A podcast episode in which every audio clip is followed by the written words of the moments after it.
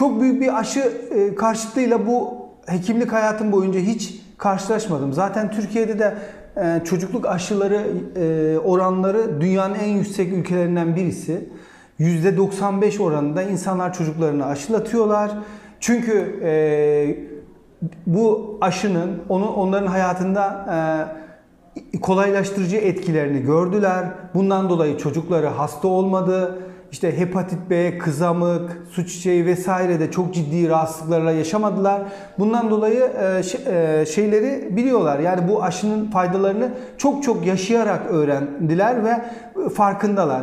E, Covid aşısında da ben benzer sorunların yaşanacağını yani aşı tereddütü, aşı karşıtlığının çok ciddi boyutlarda Türkiye'de olacağını zannetmiyorum.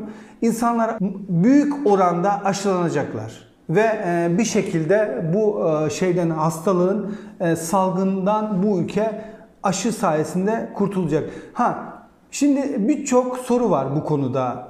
Deniyor ki işte bu bir salgın aşıyla önlenebilir mi? E, peki o zaman düşünmek lazım. O zaman bir salgın şu, şu şekilde önlenebilir. Bunun e, antitezi yani.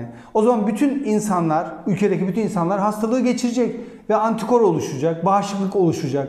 Bu ikinci bir yöntem. Peki bu sonuçlar şu ana kadar Türkiye'de yaklaşık tahmini olarak 10 milyon kişi aşıla 10 e, milyon kişi hastalığı geçirdi. E, e, bu ülke nüfusu 80 milyon. E, hastalığı geçirenlerin yüzde bir, bazı bölgelerde yüzde üçe kadar ölüm e, olayı olduğuna göre e, o zaman binlerce insanın ölümü demek bu. E, o zaman bu e, aşı karşıtlığının diğer yönü hastalığı geçirmesi ve binlerce insanın ölümü demek. Ha virüs diyorlar kendiliğinden mutasyona uğrayıp yok olabilir. Ha bunu söylüyorlar ama şimdi şu anda gözle görülür bir şekilde dünyada böyle bir şey yok. E, virüs mutasyona uğruyor ama yayın e, yayıcılığı artıyor, virülansı artıyor. Daha fazla insana bulaşıyor. E, o zaman e, şu öyle bir şey olmadığına göre bir varsayımla hareket edip milyonlarca kişiyi hasta edeceğiz ve bunların e, yüzde üçüyle biri arasında kişinin ölümünü seyir mi edeceğiz? E bu sorunun cevabını e, herkesin vermesi gerekiyor. Yani bu aşı ya ben işte e, karşıyım diyenlerin bu sorunun cevabını vermesi gerekiyor. Bence bu kimse bu sorunun cevabını düşünmüyor bile. Yani bu konuda insanlar çok kolay e, harcıyorlar insanları. Yani özellikle genç, orta yaşlı bireylerde e, yaşları ve e, immün sistemi zayıf, kanser hastaları, başka başka birçok böbrek yetmezliği olanlar, ağır koa hastaları, işte ve benzeri hastalıkları olanların e, bu hastalığın pençesine düştüklerinde yaşayacakları sıkıntıları, ölümleri pek göz ardı etmiyorlar. Sadece kendilerini düşünüyorlar bana kalırsa. E, şu anda %60-70 oranında bir aşılama Türkiye'de salgını ciddi oranda azaltacak. Bunu bunun faydasını görmemek e, yani aptallık olur diye düşünüyorum. Türkiye e, sağlık altyapısı birinci basamak sağlık hizmetlerini şu anda 27 bin aile hekimi yürütüyor. 27 bin aile hekiminin yanında da 27 bin hemşire var. Ee, ama 27 bin birimden bahsediyoruz. Bu e, şey değil, e, aile sağlığı merkezi değil yani 27 bin aile sağlığı merkezi değil.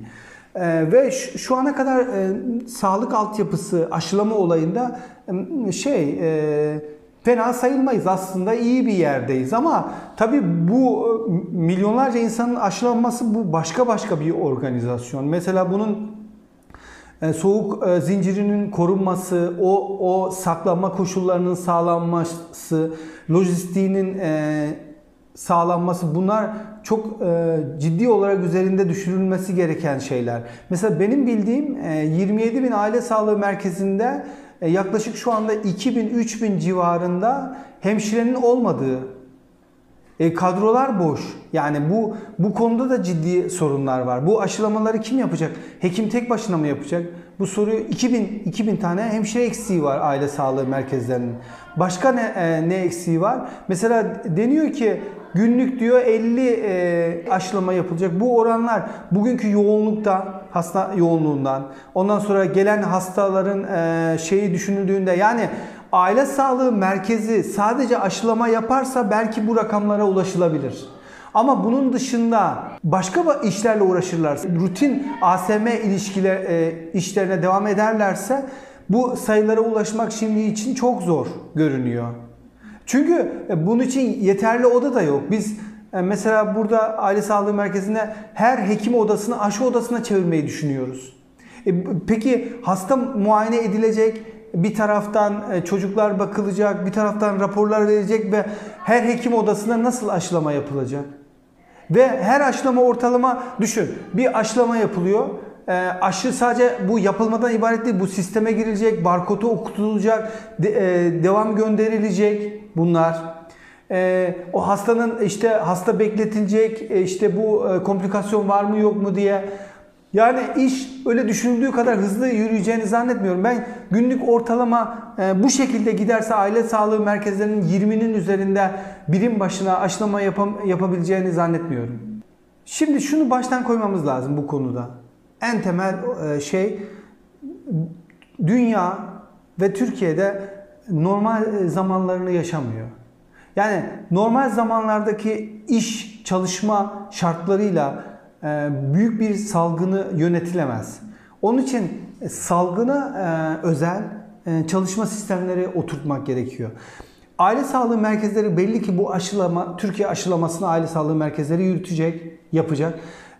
O zaman buna özel çalışma şartlarının oluşturulması, bunun profesyonelce planlanması gerekiyor. Hem lojistiğinin de. Çünkü mesela diyelim ki her gün bize 500 aşı yapılacak deniyor. Mesela atıyorum. Bizim zaten buzdolaplarının e, e, bütün hacmi 500 tane aşıyı alacak şekilde dizayn edilmiş. O zaman günlük mutlaka bunun lojistiğinin yapılması gerekiyor.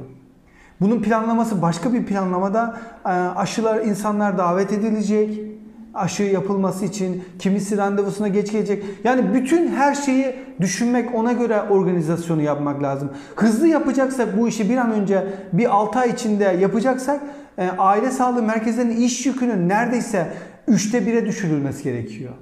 Yani bu hızla e, hızlı aşılama yapılması için bunun başka bir yolunu ben e, göremiyorum işin özü. Yani iş akışının tamamen bu merkezli, aşı merkezli olarak planlanması gerekiyor aile sağlığı merkezlerinde. Ha bu şekilde olursa bu söylenen hızlara çok çabuk ulaşılır. Ama olmazsa da o rutin e, çalışma şartlarında günlük 10-15 aşılamayla birim başına devam edilir. Sa Sağlık Bakanlığı şu anda şey söylüyor bunun için. 65 e, yaş üstü ve artı risk grupları e, ücretsiz aşılamaya aşıya ulaşacaklar. E, ama e, onun dışındaki gruplar için e, net bir cümle ben duymadım. Yani bütün aşı, aşıların tamamen ücretsiz olacağı ile ilgili bir şey ama risk gruplarıyla 65 yaş üstü grupların aşılamasının ücretsiz olacağı söyleniyor. Umarım e, yani o konuda çok ciddi bir sorun olacağını zannetmiyorum ben. Yani risk grupları artı 65 e, yaş üstlerinin muhtemelen e, kısa zamanda aşılanacak. Yani bu bahsettiğimiz kişi herkes e, merak edebilir. Ben e, bunun sayısal olarak 8 milyon kişiden bahsediyorum. Yani bu yaklaşık 16 milyon doz aşı demek. Bunun içinde sağlık personeli 65 yaş üstü artı risk grupları. Yani totalde belki 10 milyon kişiden bahsediyoruz yani totalde. Bütün şeyler ilk önce aşılanmamız gereken. Yani bu aşı sayısına ulaşmak zor değil yani bu ülke için bu işi kesinlikle aşıyı çözecek salgın meselesinde. Yani çünkü insanlar ömür boyunca ve yıllarca maske takıp işte e, yaşamaları mümkün değil. Bu şekilde çalışma ortamının oluşturulması, bu kadar yoğun sosyal mesafeleme, çocukların okullarına gidememesi vesaire. Yani bunları bu şekilde çözmemiz imkansız. İkinci noktada e, özellikle e, bu salgın sırasında birçok sağlık emekçisi hayatını kaybetti. E, mutlaka e, Covid hastalığı bir e, iş meslek hastalığı olarak kabul edilmesi, ölen insanların hiçbir ayrım yapılmadan hastane temizlikçisinden hekimine kadar tümünün sağlık şehidi sayılması, ailelerinin devlet tarafından bütün yükümlülüklerinin çocukların eğitim masrafları vesaire eşlerinin mağduriyetlerinin giderilmesi şart. Çünkü bu durum e, sağlıkçıların e, hem motivasyonunu arttıracak, çalışma şevkini arttıracak, doğal olarak da salgının bir an önce kontrol alınma, alınmasını hızlandıracak. Teşekkür ediyorum.